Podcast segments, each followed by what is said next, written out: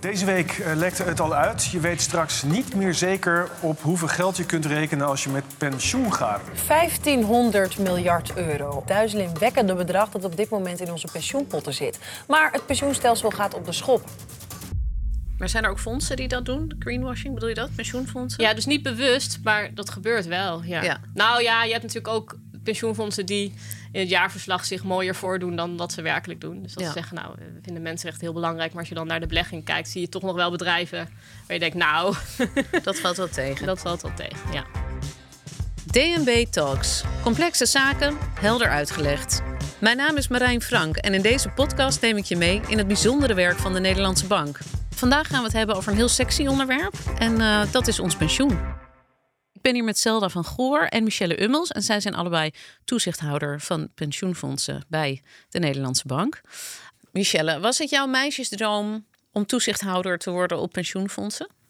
Ja, zeker. Ja, sinds ik kon praten, zei ik, ik wil toezichthouder worden. nee, eh, nee, volgens mij wilde ik journalist worden toen ik eh, klein was. Dus eh, dat was toch een andere ambitie. Maar ik ben, ja, ik was altijd wel goed met cijfers en rekenen. En dat vond ik ook wel leuk. En toen ben ik econometrie gaan studeren. En toen bij een asset manager terechtgekomen. En nou ja, met die kennis bij DNB terechtgekomen. DNB is op zich wel een hele gave organisatie waar, waar nou ja, veel slimme en ook leuke mensen werken. En je werkt aan veel complexe problemen. En eh, nou ja, ik ben dus nu ook bezig met duurzaamheidsrisico's, wat ik ook heel gaaf vind. Dus eh, Ja, goed terecht te, goed terechtgekomen. terechtgekomen. Ja. Oké, en Zelda, ehm, ja, hoe ben jij eigenlijk pensioentoezichthouder geworden? Ik heb rechten gestudeerd. Ik ben eerst begonnen als jurist bij juridische zaken. Nou, toen vond ik eigenlijk het toezicht wel heel erg leuk van, eh, om in contact te staan met instellingen. Dus ik heb een overstap gemaakt naar integriteitstoezicht. En daar heb ik eh, ook heel veel onderzoeken gedaan. Eh, maar dat, dat waren er denk ik drie of vier per jaar. En ik wilde eigenlijk nog veel vaker contact hebben met instellingen. Collega van mij die had gewerkt bij toezicht pensioenfondsen. En die zei van, nou, je moet eens met die en die gaan praten. Dus ja, zo ben ik er eigenlijk ingerold. Ja, nou, het is haast ongelooflijk, maar ik zie allemaal fonkelende ogen. Dus het zal echt wel heel erg leuk zijn. Ja, goed, ik denk echt dat, Dat niemand ik- als nee. dacht... ik ga in de, als toezichthouder Nee, pensioenfondsen Of iets met pensioenfondsen doen. Ja, maar goed, nu gaan jullie maar helemaal vertellen waarom het eh zulk interessant werk is. Ja, ik ging me dus een beetje verdiepen ook eh, in pensioenen voor, ons, eh, voor het gesprek wat we nu hebben. En ehm, ja, ik haakte na drie zinnen wel min of meer af. Want eh, ja, het is gewoon een heel ingewikkeld onderwerp. Het is, eh, ja, het is wel vaak in het nieuws, maar het is best wel lastig om, om, ja, om iets te begrijpen. Voor mij althans. En ehm, ik dacht, laten we gewoon even helemaal bij het begin beginnen. En dan kunnen we vanuit daar eh, uitwaaien. Ehm, maar als je het hebt over het huidige pensioenstelsel in Nederland. Ja, hoe zit dat dan in elkaar? Wat zijn de belangrijkste kenmerken? Ik denk dat we dan moeten beginnen bij de pijlers van ons pensioenstelsel. Dat zijn er eh, drie. Dus dat is een gelaagd systeem. Dus de eerste pijler bestaat uit eh, de algemene ouderdomsvoorziening, de AOW. Dus die voorziet eigenlijk in een basispensioen voor alle Nederlanders, of je nou werkt of niet. En dan heb je de tweede pijler, die is aanvullend bovenop de AOW-uitkering. En dat is eh, wel via de werkgever, dus dat is wel voor de mensen die aan het werk zijn. Ja. En de derde pijler, dat is dan individueel. Dus als je zelf nog bovenop die eerste en de tweede nog meer pensioen zou willen opbouwen, dan kun je dus lijfrenten of levensverzekeringen aangaan.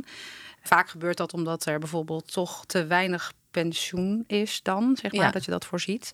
En dat je dat bijvoorbeeld opvult. Of om eerder met pensioen te gaan, dat kan ook. Dat je dan die derde pijler aanspreekt. Ja, Dus dat is even in basics hoe het is opgebouwd. ja precies. Dus, dus de eerste eh, pijler AOW is gewoon voor iedereen, elke inwoner van Nederland. En de tweede is het pensioen wat je opbouwt via je werkgever, wat je altijd afdraagt, wat je terugziet in je loonstrookje. Ja. En de derde is een soort extra. Waarin je dus, ja, is dat een soort sparen? Moet ik dat zo zien? Of? Ja, dus eh, je, je, je, je legt dan kapitaal opzij. Oké. En ehm, ja, waarom houdt DNB toezicht op pensioenfondsen? Ik denk dat we dan terug moeten gaan naar de missie van DNB. Waar maken wij ons sterk voor? En dat is voor eh, financiële stabiliteit. En dat we ook willen bijdragen aan een duurzame welvaart in Nederland. Daarin is vertrouwen heel erg belangrijk. Dus we willen betrouwbare instellingen. Dus je wil uh, met vertrouwen je geld bij een bank, je bankrekening storten. Je moet erop kunnen vertrouwen dat je een vergoeding kunt krijgen van je verzekeraar. Als je iets overkomt, bijvoorbeeld. Ja. En ja, daar gaat het in deze podcast over. Je wil natuurlijk ook pensioen krijgen waarvoor je hebt gespaard. Dus vertrouwen is heel uh, belangrijk. En wij houden dus toezicht op financiële instellingen. En dus ook op pensioenfondsen. Mhm. En ja, waar we op letten is dat ze financieel gezond zijn en ook blijven. En dat hun bestuurders ook natuurlijk geschikt zijn en, en betrouwbaar zijn. Dat is Ja, natuurlijk wel een prettig oh ja. idee. Ja? Misschien wel leuk ter aanvulling is dat we hebben in 2008 natuurlijk de kredietcrisis gehad. Ja. En eigenlijk sindsdien is het toezicht ook echt geïntensificeerd. Want ehm, eh, je had gewoon pensioenfondsen die eigenlijk veel meer beleggingsrisico namen dan, nou ja, dan verstandig was. Mhm. En die hebben in de kredietcrisis ook heel veel geld eh, verloren. En toen is er inderdaad ook echt veel meer toezicht gekomen om te kijken van oké, waar beleggen ze precies in? Hebben ze wel kennis van de producten waarin ze beleggen? Ehm, maar hoe doen jullie dat, dat toezicht houden op pensioenfondsen? Uiteindelijk is het voor de deelnemers waar we de toezicht voor uitoefenen. Dus een pensioenfonds die voert een pensioenovereenkomst uit die tussen de werkgever en de werknemer is gesloten. Ja. Die zorgt ervoor dat de premies worden geïnd en dat de gepensioneerden een uitkering krijgen. En in de tussentijd worden die premies belegd om uiteindelijk hè, dat dat gaat renderen en dat dan de gepensioneerden ook echt een koopkrachtig pensioen hebben. Maar daar komt natuurlijk van alles bij kijken. Michelle noemde al eh, governance, maar financiële risico's, maar ook operationele risico's. Je bedoelt als zo'n belegging fout gaat of als dus inderdaad de economie instort? Of... Ja, dat Ja. een belegging fout gaat. Eh, je had eh, die subprime mortgages. Ik weet niet of je dat nog weet. En dan kregen eh, mensen die eigenlijk het geld niet hadden, kregen hypotheken. En die kregen zelfs hypotheken voor tweede huizen. En dat, werden dan in, dat werd dan verpakt in bepaalde financiële producten. En werden met een hele hoge rating verkocht. Maar eigenlijk was het heel risicovol. Want toen de huizenprijzen niet meer stegen... Mensen konden hun hypotheek niet meer terugbetalen. Huizenprijzen zakten, kwamen op straat. En die hypotheken waren niks meer waard. Ja. En daar, is- ja, daar zaten veel financiële instellingen zaten in dat soort producten. Dus die, waar ze eigenlijk onvoldoende kennis van hadden waar ze precies in zaten. Dus dat, nou ja, best wat exotische dingen waar je in kan beleggen als, eh, Als pensioenfonds. ja, Ja. Oké. Maar goed, ja, even terug. Hoe houden jullie toezicht? Hoe doen jullie dat? Gaan jullie er langs? Ja.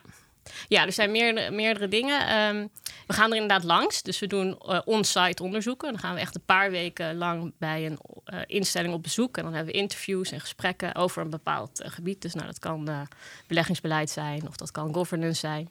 Maar we hebben, dat is, eigenlijk het zwaarste instrument wat we hebben.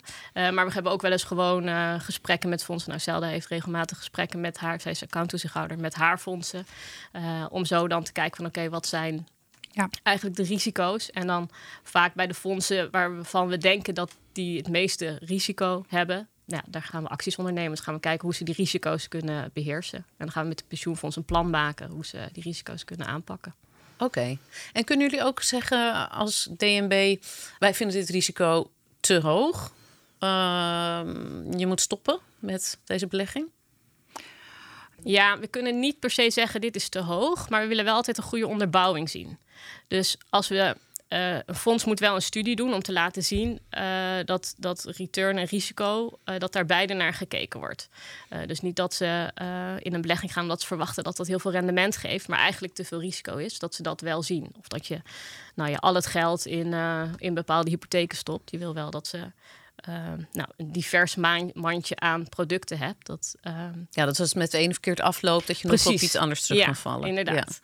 Ehm, dus daar kunnen we wel van zeggen: oké, je moet wel de juiste analyses en studies laten zien. eh, ja, dat je dat goed hebt onderbouwd, die keuzes die je maakt. Dus daar kunnen we wel eh, wat van zeggen. Ja, oké. Hebben jullie ook een soort macht om in te grijpen of werkt dat niet zo? Ja, dat, dat hebben we. Dan zit je meer in de formele sfeer, denk ik ook. Bijvoorbeeld met een boete of met een eh, eh, aanwijzing of een eh, last onder dwangsom. Zover komt het vaak dus niet. Want een groot deel van in ieder geval accounttoezicht is ook beïnvloeden. En het gesprek aangaan en de standpunten goed uitwisselen. En eigenlijk met elkaar dus blootleggen waar het soort van spaak loopt of waar het knelt. En vaak komen we er dan gewoon uit met, met de fondsen. Ja. Ja. Is het wel eens gebeurd dat je echt hard in moest grijpen? Er, zijn wel casussen geweest waarbij de formele maatregelen zijn ingezet. Maar dat is iets wat we wel proberen te vermijden. Want dat is echt het ultimum remedium, zoals je dat dan noemt. Het laatste redmiddel. Maar het gebeurt wel. Het gebeurt wel Ja. eens, ja. Even kijken hoor. Ehm, ja, ik ben nu even benieuwd naar duurzame beleggingen. Dat is meer jouw pakje aan, hè, Ja, Michelle? mijn, eh, Ehm, want in hoeverre kan DNB ehm, als toezichthouder invloed hebben op duurzame beleggingen van pensioenfondsen? Vinden jullie dat ook belangrijk? Of? Ja, nou, ehm, we kunnen inderdaad niet tegen het pensioenfonds zeggen... je moet duurzaam beleggen. Eh, dat is echt aan het pensioenfonds zelf, die keuze die ze daarin maken. Maar ze moeten wel duurzaamheidsrisico's beheersen. Dus wat we daarmee bedoelen is dat bijvoorbeeld met klimaatverandering... eh, nou, het kan zijn dat er een CO2-tax komt... en dat gaat impact hebben op, op eh, vervuilende bedrijven... of bedrijven die veel CO2-uitstoot hebben. Die gaan dat merken in de kosten en in de winst... en, en de waarde van hun aandelen zullen dalen. Dus dat, is, dat noemen we dan een, een, een duurzaamheidsrisico... Voor, voor de balans van het fonds. En daar moeten fondsen wel inzicht in hebben. Dus die Oh, wat moeten wel kijken hoe dat soort factoren... dus klimaatverandering... ehm, biodiversiteitsverlies. eh, ja, en maar ook, ook, en dat is dan financieel. Maar ze moeten ook kijken naar, oké, naar ehm, reputatierisico. Of, of beleg ik wel in het belang van mijn deelnemers? Of, of in lijn met de wens van mijn deelnemers. Ja. Dus dan kun je ook kijken naar ehm, ja, bedrijven die eh, mensenrechten schenden. Of eh, nou ja, bijvoorbeeld dat van Nike, die. ehm, die volgens mij 95% van zijn kantoen haalt uit fabrieken in China die verdacht zijn van gevangenisschap van Oeigoeren en dwangarbeid van de Oeigoeren. Ehm, ja, dat zijn toch elementen waar je verwacht dat pensioenfondsen daar naar kijken en daar dus nou ja, over nadenken van willen we wel in zo'n Nike eh, beleggen. Ja, en wat is dan jouw rol daarin? Nou, mijn rol is om te kijken of pensioenfondsen dus die ESG-risico's, eh, duurzaamheidsrisico's, of ze die... Waar staat die afkorting voor? Ja. ESG? ESG staat voor Environment, Social and Governance. En in-house ge- gebruiken we vaak de term ESG, want dat is net wat breder dan duurzaam, omdat je dan ook inderdaad die, die social, dus mensenrechten, kinderarbeid Ja. of governance eh, meer meeneemt. En ehm, wat was ik aan het vertellen? Ja, wat jouw rol is. Nou, stel, Oh je ja, noemde die het- voor, ja. voorbeeld van die Nike-fabriek, waar dan eh Oeigoeren Ja, werken. precies. Ja. Ehm, en hoe dat dan van invloed is hè, als een pensioenfonds daarin belegt. Ja. Dat dat misschien dan niet helemaal wenselijk is. Of, maar dan vroeg ik me af wat jouw rol daarin is. Ja, precies. Dus wat instellingen moeten doen, ook wat wettelijk verplicht is, is dat ze dus die risico's, nou, dat ze daar inzicht in hebben, in die risico's, en beheersen indien ze groot zijn. Dus als je ziet bijvoorbeeld klimaatverandering heeft een flinke impact op mijn, de waarde van mijn beleggingen, nou, dan verwacht je wel dat ze dus die, nou ja, dat risico gaan beheersen. Dus, Maar moet ik dan zien, want dat vind ik een grappig voorbeeld met die eh, Nike-fabriek. Ja, Want ik denk dan, als je daar dus. Ik neem dan aan dat zo'n ehm, pensioenfonds. toen hij ging beleggen. Hè, in die fabriek Ja. niet wist wat daar dan speelde Nee, op mensenrechtengebied. precies. Ga ik dan even vanuit. ja. Maar wat noem je dan, eh, als je het dan hebt over het risico? Ik bedoel, stapt zo'n pensioenfonds daar dan niet direct uit? Dat je zegt, ik wil hier niks mee te maken hebben? Of hoe gaat dat dan? Nee, dat gebeurt, dat zie je dus niet gebeuren. Maar het kan wel zijn dat het pensioenfonds, het bestuur inderdaad op kijkt naar bijvoorbeeld als we denken van nou, oké, we vinden mensenrechten wel belangrijk. Ehm, want dat is voor ons, dat vinden onze deelnemers belangrijk. Dat Ja. ze dan een screening gaan doen op alle bedrijven die ze bezitten. En dan kijken we, oké, hoe scoren zij op mensenrechten? Je hebt allemaal data providers die van die scores eh, geven eigenlijk. En dan zal zo'n Nike, ik, ik heb de score van Nike niet gezien hoor, maar dat zal ook wel eh, per data provider verschillen. Eh, die zal dan een red flag krijgen. En dan kun je inderdaad als bestuur besluiten, oké, nou, dit is niet in lijn met de wens hoe wij willen beleggen, dus we stappen eruit. Ja, en dan gaat dus het risico omdat die aandelen dalen. Of dat de mensen vertrouwen in dat fonds verliezen omdat ze daarin investeren. Of welk risico heb je het dan precies over? Ja, dus, dus bij pensioenfonds inderdaad wat lastiger, omdat eh, eh, een kenmerk van ons pensioenstelsel is ook is dat je hebt eigenlijk verplichte deelname aan een pensioenfonds. Dus je kan niet zeggen, oké, nou dit pensioenfonds belegt niet naar mijn wens, ik ga naar een ander. Eh, maar je ziet wel dat inderdaad vertrouwen is belangrijk.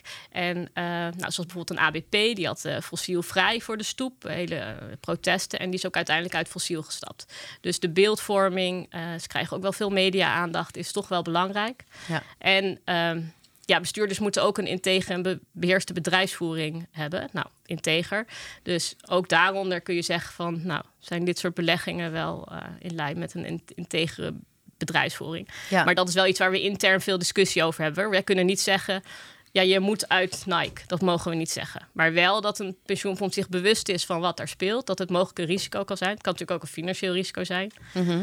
Ehm, als, ehm, en En dat ja, fondsen daar bewust van maken en dat ze dat meenemen in een proces. En al helemaal ze zeggen, we vinden mensenrechten belangrijk. Ja. Je hebt veel fondsen die dat zeggen. En we zien, hé, maar je zit wel in Nike. Hey, je zit wel in eh, Total Energies, die nu een pijplijn aan het aanleggen is in eh, Oeganda.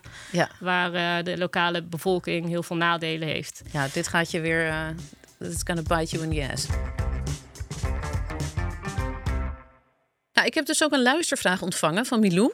En Milou vraagt: De pensioenleeftijd loopt steeds verder op. Waar eindigt dit? Ja, die, die pensioenleeftijd is een aantal jaar geleden al gekoppeld aan de levensverwachting. Dus de gedachte daarachter is dat we een bepaald gedeelte van ons leven eh, werkzaam kunnen zijn en pensioen kunnen opbouwen. Maar als we dus met z'n allen naar verwachting ouder gaan worden, dan, eh, ja, dan, dan moeten we ook naar rato ook meer jaren gaan eh, werken. Maar ook naar rato langer van ons pensioen genieten. Dat is het idee. Ja, oké. Laten we eventjes een paar thema's afwerken als het hier om gaat. Wat zijn de regels ten aanzien van beleggen in wapens? Ja, er is een verbod op beleggen in clustermunitie. Maar verder mogen pensioenfondsen in wapens beleggen. Maar je hebt ook dat veel fondsen eh, besluiten om niet in eh, controversiële wapens te beleggen. Controversiële wapens zijn eh, eh, biologische, chemische wapens. eh. Ook van die drones die gewoon zelfstandig, of is dat inmiddels helemaal niet controversieel? Nou, dat weet ik eigenlijk niet. Oké. Nee. Volgens mij is er ook niet per se één definitie wat controversieel is hoor. Verschilt dat ook per. Nou, data provider heeft ook andere definities wat controversieel is. Maar je ziet wel dat, dat, dat veel fondsen dat ook uitsluiten. Ja, dus dat, maar is dat dan wettelijk vastgesteld? Nee, Dat je, alleen clustermunitie. Dat is eigenlijk het enige verbod dat wettelijk is vastgesteld. Oké, dus daar Ja. mag niet in geïnvesteerd Nee. worden, maar alle, verder alle. Ja, dus Oké. eh, Wat zijn de regels ten aanzien van eh, het investeren in bedrijven waar kinderarbeid plaatsvindt? ja, nee, dat mag je gewoon doen. Dat mag je gewoon doen. Ja. Ja, alleen eh, zie je wel dat eh, pensioenfondsen die dus nadenken over... Je hebt, je hebt pensioenfondsen die gewoon passief een mandje aandelen kopen. Die denken verder niet echt na over wat ze kopen. Eh, maar je hebt ook pensioenfondsen die wel eh, maatschappelijk verantwoord willen ondernemen. En ook een beleid hebben. En de meeste fondsen die kijken wel naar bedrijven waar kinderarbeid is. En, Mhm. en, en investeren daar dan niet meer in. Oh, ik val toch wel een beetje van mijn stoel. Ja, Dat mag gewoon. Ja. Investeren in, in bedrijven die, waar je dan van weet dus. Hè, want Ja. heel veel bedrijven weet je het misschien nog niet van. Maar ook bedrijven waarvan je weet Ja. dat er kinderarbeid plaatsvindt... mag je gewoon in investeren. Ja, ja, dan mag je. Ja, er is geen wettelijk. eh, eh, ja, kijk, zelf vind ik het ook eh, de- logisch dat je dat niet doet. Ja, dat is toch raar? Ehm, al moet ik zeggen dat het is natuurlijk ook wel weer heel grijs, hè? Want je kan, eh, ga je dan, je hebt vaak ook de discussie van, eh, investeer ik er niet meer in of blijf ik als aandeelhouder wel aan de tafel zitten en zorg ik dat dat bedrijf verbetert? Het zou natuurlijk heel fijn- fijn zijn als dat bedrijf kiest om, om gewoon die ouders een, een goed salaris te geven, dat die kinderen niet hoeven te werken. Zeker. Ehm, in plaats van dat ze, nou ja, dat, dat het bedrijf inderdaad geen kinderarbeid neemt, maar verder ook niks doet. Eh, waardoor kinderen eigenlijk nog slechter af zijn vaak. Want vaak, nou ja, gaan, komen ze dan op, op nog eh, minder arbeidsomstandigheidsvriendelijke plekken terecht. Dus Ja, nee, het is sowieso natuurlijk een ingewikkeld Ja. verhaal. eh, kinderarbeid. Maar ik vind toch... Ja, ik denk toch gewoon als... Gewoon als normaal mens... Ja, dat dat wel Nee, dat- gereguleerd is. Dat je Ja. dus niet investeert in bedrijven die... Kijk, want je zegt van... Hè, misschien eh, als aandeelhouder... dan wil je graag daar misschien nog iets oplossen. Een vinger aan de pols of zo. Maar ja, anderzijds... Ja, je steunt financieel gewoon nee, eh, klopt. een verwerpelijke zaak. Ja. Nee, ik helemaal mee eens. Ja. Ja. Ik als ik het bestuur zou zitten van een pensioenfonds hier ook eh, niet in. eh, en als deelnemer zou ik dit ook echt niet willen. Dus Nee. Ik zou ook zeggen, deelnemers, probeer informatie in te winnen waar, jou, waar jouw geld in wordt belegd. En, en als je dat, weet je, het is, het is best wel moeilijk om soms informatie op te halen hoor. Maar zoals een Nike bijvoorbeeld, ja, dat is gewoon, weet je, dat heeft Radar heeft er een uitzending over gemaakt. Nou, dan kun je daar naar kijken, oké, pensioenfonds beleg jij in Nike. En, en dan kun je daar, als deelnemer kun je daar wel wat mee. Ja, Heb precies. kun je wel wat invloed uitoefenen. Ja. Dit is dus ook iets waar DNB eigenlijk geen invloed op kan uitoefenen. Dat is gewoon wettelijk vastgelegd. Ehm, nee, maar wat we wel kunnen doen is ehm, dat, dat fondsen bewust maken. Want je hebt heel veel fondsen die, die zijn vrij klein en die hebben gewoon ehm, niet per se alle data om te zien, oké, waar zitten we? Dus soms zitten ze wel in duizenden bedrijven. Ja, precies. Ja. Dus het is, het is- ja, eigenlijk is dat, dat was tot nu toe vrij standaard, dat je gewoon zo'n grote eh, index kocht. Dus dan Ja. heb je een mandje van de grootste bedrijven ter wereld. En dan zit je gewoon in heel veel bedrijven. Je hebt geen idee eigenlijk waar je in zit. Of wat voor praktijken er zijn. En nu is dat eigenlijk steeds meer nadan. Verwachten we steeds meer van de investeerders. Oké, weet waar je je geld in stopt. En, maar ja, dat, gaat, ja dat, gaat, dat kost heel veel tijd. Dat kost veel kennis. Dat, ja, de kosten schieten omhoog. En dat is voor de wat kleinere fondsen best wel een uh, uitdaging. Oké.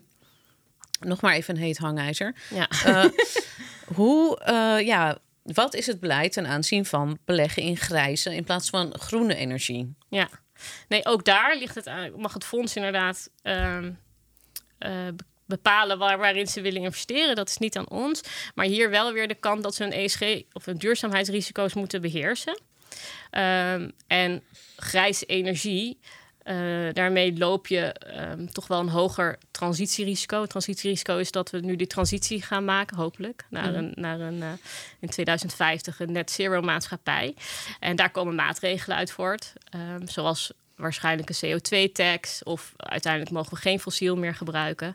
Dus als jij in een, een nieuwe steenkolenmijn gaat investeren, ja, de kans is groot dat dat uh, binnenkort niet meer in gebruik wordt genomen. En dan is die asset, is waardeloos.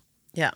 Dus je loopt met dat soort investeringen wel meer risico. Dus dan is wel weer onze verwachting voor het fonds: oké, okay, breng die risico's in kaart en is dit wel wenselijk um, ten aanzien van de risico's die je wil lopen. Ja, oké. Okay. En dus dit zijn allemaal uh, heikele onderwerpen. Nou, jullie helpen bedrijven ook met inzicht krijgen wat dat voor consequenties kan hebben voor die uh, beleggingen. Maar wanneer trek je nou echt aan de bel, zeg maar? Wanneer zeg je nou echt, dit is niet oké? Okay? Ja, dat is inderdaad een lastige. Um, zelf zou ik persoonlijk ook wel sneller aan de bel willen, trekken. Want soms zie ik inderdaad investeringen zoals... dan denk ik van, ja, daar moet je toch niet in willen zitten. Zoals wat dan? Kom op. Um, nou, je hebt een, bijvoorbeeld een mijnbedrijf in, um, in Brazilië, Falen. En um, nou, dat, die haalt dus diamant en goud uit de grond. En dan heb je heel veel puin. En dat stopt ze weer in bepaalde mijnen. En die mijnen, die, um, die maken ze zo goedkoop mogelijk, uh, zo minst veilig mogelijk, gewoon kosten drukken. En ze wisten dat het een hoog risico was. Dus um, ze kregen eigenlijk geen certificaat. Blijkbaar moet, er dus een, moet het gekeurd worden. Mm -hmm. uh, maar toen hebben ze uiteindelijk wel een partij in Duitsland gevonden die dat ging keuren. Om te zeggen, oké, okay, nou dit is geen hoog risicomijn. Um, en dan kregen ze, nou ja, van hun wat. Dus dat was gewoon pure fraude eigenlijk. Mm -hmm. En nou, die mijn is uiteindelijk uh, kapot gegaan. Heeft een heel gebied overstroomd. 300 doden. Ja. ja. En je ziet nog steeds dat daarin belegd wordt. Dan denk ik, ja, hier is gewoon duidelijk bewijs... dat dit bedrijf gewoon ja, niet, niet betrouwbaar ethisch, is. niet Ja. betrouwbaar... veel doden op zijn geweten heeft. Ja. Dus hier moet je gewoon niet meer in willen investeren. Daar zie je ook wel dat veel fondsen, omdat het dus inderdaad slecht scoort, dus Mhm. uh, uh, ook wel eruit zijn. Maar je ziet nog steeds dat erin geïnvesteerd wordt. Ja, maar jullie kunnen dan, to- want je, jullie hebben toch wel ehm, de macht, of hey, jullie kunnen toch sancties opleggen? Dat, dat vertelde je net, toch? Dat je ook echt kan zeggen van. eh, Ja, Ja, nou, dan, de sancties kun je opleggen als er een overtreding is van een wettelijke bepaling. oh, En Ja. Eh, maar dit is geen overtreding van de wet. Dit is nee, gewoon hier- onethisch. precies, het is onethisch. Hier mogen ze in principe, ja. Ah, dus dat is ook wel weer eh, beperkt dan eigenlijk ook. In Het, ja ons, onze taak is best wel lastig. Ja. ja. En vooral op het gebied van duurzaamheid. Uh, je ziet ook dat we vaak werken met mensen die ook graag willen kijken naar niet alleen naar de risico's die, die uh, nou, de wereld heeft op de, op de balans van het portfolio, maar dat ze inderdaad ook rekening houden. Oké, okay, maar wat doet onze beleggingen? Hoe vervuilend zijn ze? Maar daar hebben we eigenlijk geen mandaat voor. Het moet altijd naar de risico's, wat de risico's is voor de balans van, de, van het pensioenfonds zelf. Ja, ja. En dus dat is een beetje pioneren. Maar we proberen wel dus fondsen te beïnvloeden en inzicht te geven. ja. Uh, en we hebben net ook een gids gepubliceerd met uh, uh, handvatten voor de beheersing van milieu- en klimaatrisico's. Dus daar stoppen we ook wel dat soort dingen in. Ja. Ja. ja, best wel heftig verhaal zeg. Ja, maar dat is inderdaad intern best wel een struggle soms, ja. Oh ja. En daar zijn ook veel verschillende ideeën over. Ja, want deze vraag heb ik net eigenlijk dus al gesteld. Hebben jullie al beantwoord, maar misschien nog, nog heel veel kort. Kan DNB ook sancties opleggen aan pensioenfondsen? Dan bedoel je boetes, wat ik net noemde, dat uh, boetes en Ja. uh, aanwijzing. Dat is dus ook een formele maatregel. Dus dat leidt er ook toe, als je een formele maatregel neemt, dat de bestuurders een toezichtantecedent krijgen. En dat kan natuurlijk ook invloed hebben op wanneer zij bijvoorbeeld voor een functie worden voorgedragen in de toekomst, dat dat misschien ertoe leidt dat ze dan niet een positief besluit krijgen over hun toetsing. En dat ze dus ook niet bij die instelling kunnen gaan werken, daar benoemd kunnen worden. Ja. Eh, dus het is wel een zwaar middel natuurlijk. Dat moet eh, uiterst zorgvuldig genomen worden. Ja, Instellingen gaan ook vaak daartegen in bezwaar en beroep. ja. Het moet natuurlijk uiteindelijk ook voor de rechter stand houden. Hè? Zijn er toe, eh, toe bevoegd? Ik moet zeggen dat voor andere sectoren dat het wel vaker gebeurt dan bij pensioenfondsen. Dus voor banken en zo zijn er vaker eh, formele maatregelen. En En komt dat dan? Zijn banken Maar- dan brutaler dan pensioenfondsen? Of? Nee, ik denk dat het komt door. Kijk, als wij kijken van wat, wat is de norm, dan is dat eh, dat pensioenfondsen een integere en beheerste bedrijfsvoering moeten hebben. Dat is een open norm die wij natuurlijk eh, wel. ehm, Integer is wel een heel rekbaar begrip natuurlijk. Ja, precies. Ja. En die ziet op eh, de betrouwbaarheid vooral. En eh, de beheerster ziet meer op het, de beheersing van je risico's. En dat kunnen dus operationele risico's zijn, dat kunnen financiële risico's zijn. Maar ook je governance, heb je dat goed omlijnd met eh, waarborgen, dat die governance ook goed kan verlopen, zodat uiteindelijk de besluiten ook evenwichtig en adequaat worden genomen. Ja, even voor mij als echte randbiel, wat is governance? Bijvoorbeeld als je een bestuur hebt, dan ehm, ja, er zijn er ook verschillende bestuursmodellen. Maar stel dat je een omgekeerd gemengd bestuursmodel hebt, dan heb je een uitvoerend deel van de, van de bestuurders en een niet-uitvoerend deel, die ook eigenlijk tegelijk intern toezichthouder zijn. En die, dus die rollen en taken moet je heel goed vastleggen. Ja, ja. Dus dat moet je ook echt ehm, in eh, fondsdocumenten goed vastleggen. En dan heb je natuurlijk commissies, beleggingscommissie of eh, communicatiecommissie. En de mandaten van die commissies moet je ook goed vastleggen. Want als het goed gaat, gaat het goed. Maar als er toch frictie is, dan wil je kunnen terugvallen op eh, goede documentatie. Dus dat bedoel ik dan met het framework van governance. Eh, maar om terug te komen op jouw vraag, de norm is best open. Eh, dus dan is het ook moeilijker om te zeggen: dit is een hele harde wettelijke overtreding. Ja, Daarom zou ik zeggen dat wij bij pensioenfondsen vooral beïnvloeden. Maar eh, als er echt een duidelijke overtreding is, dan nemen we ook formele maatregelen. ja. En hoe vaak is dat gebeurd in de afgelopen vijf jaar? Ik weet één voorbeeld. Toen eh, had een pensioenfonds, had volgens mij een vrij groot deel wilde die in goud. Ik weet niet meer precies wat het bedrag was, maar echt wel een groot deel. En dat vond DNB eigenlijk te risicovol. Want die dacht, ja, ehm, nou ja, dat is wel heel veel geld op één, één, één asset. Dus eh, dat is niet heel eh, ehm, verstandig. En dat is, dat is uiteindelijk in de recht, bij de rechter gekomen. Maar toen heeft DNB verloren. Oh, Ja. waarom dan?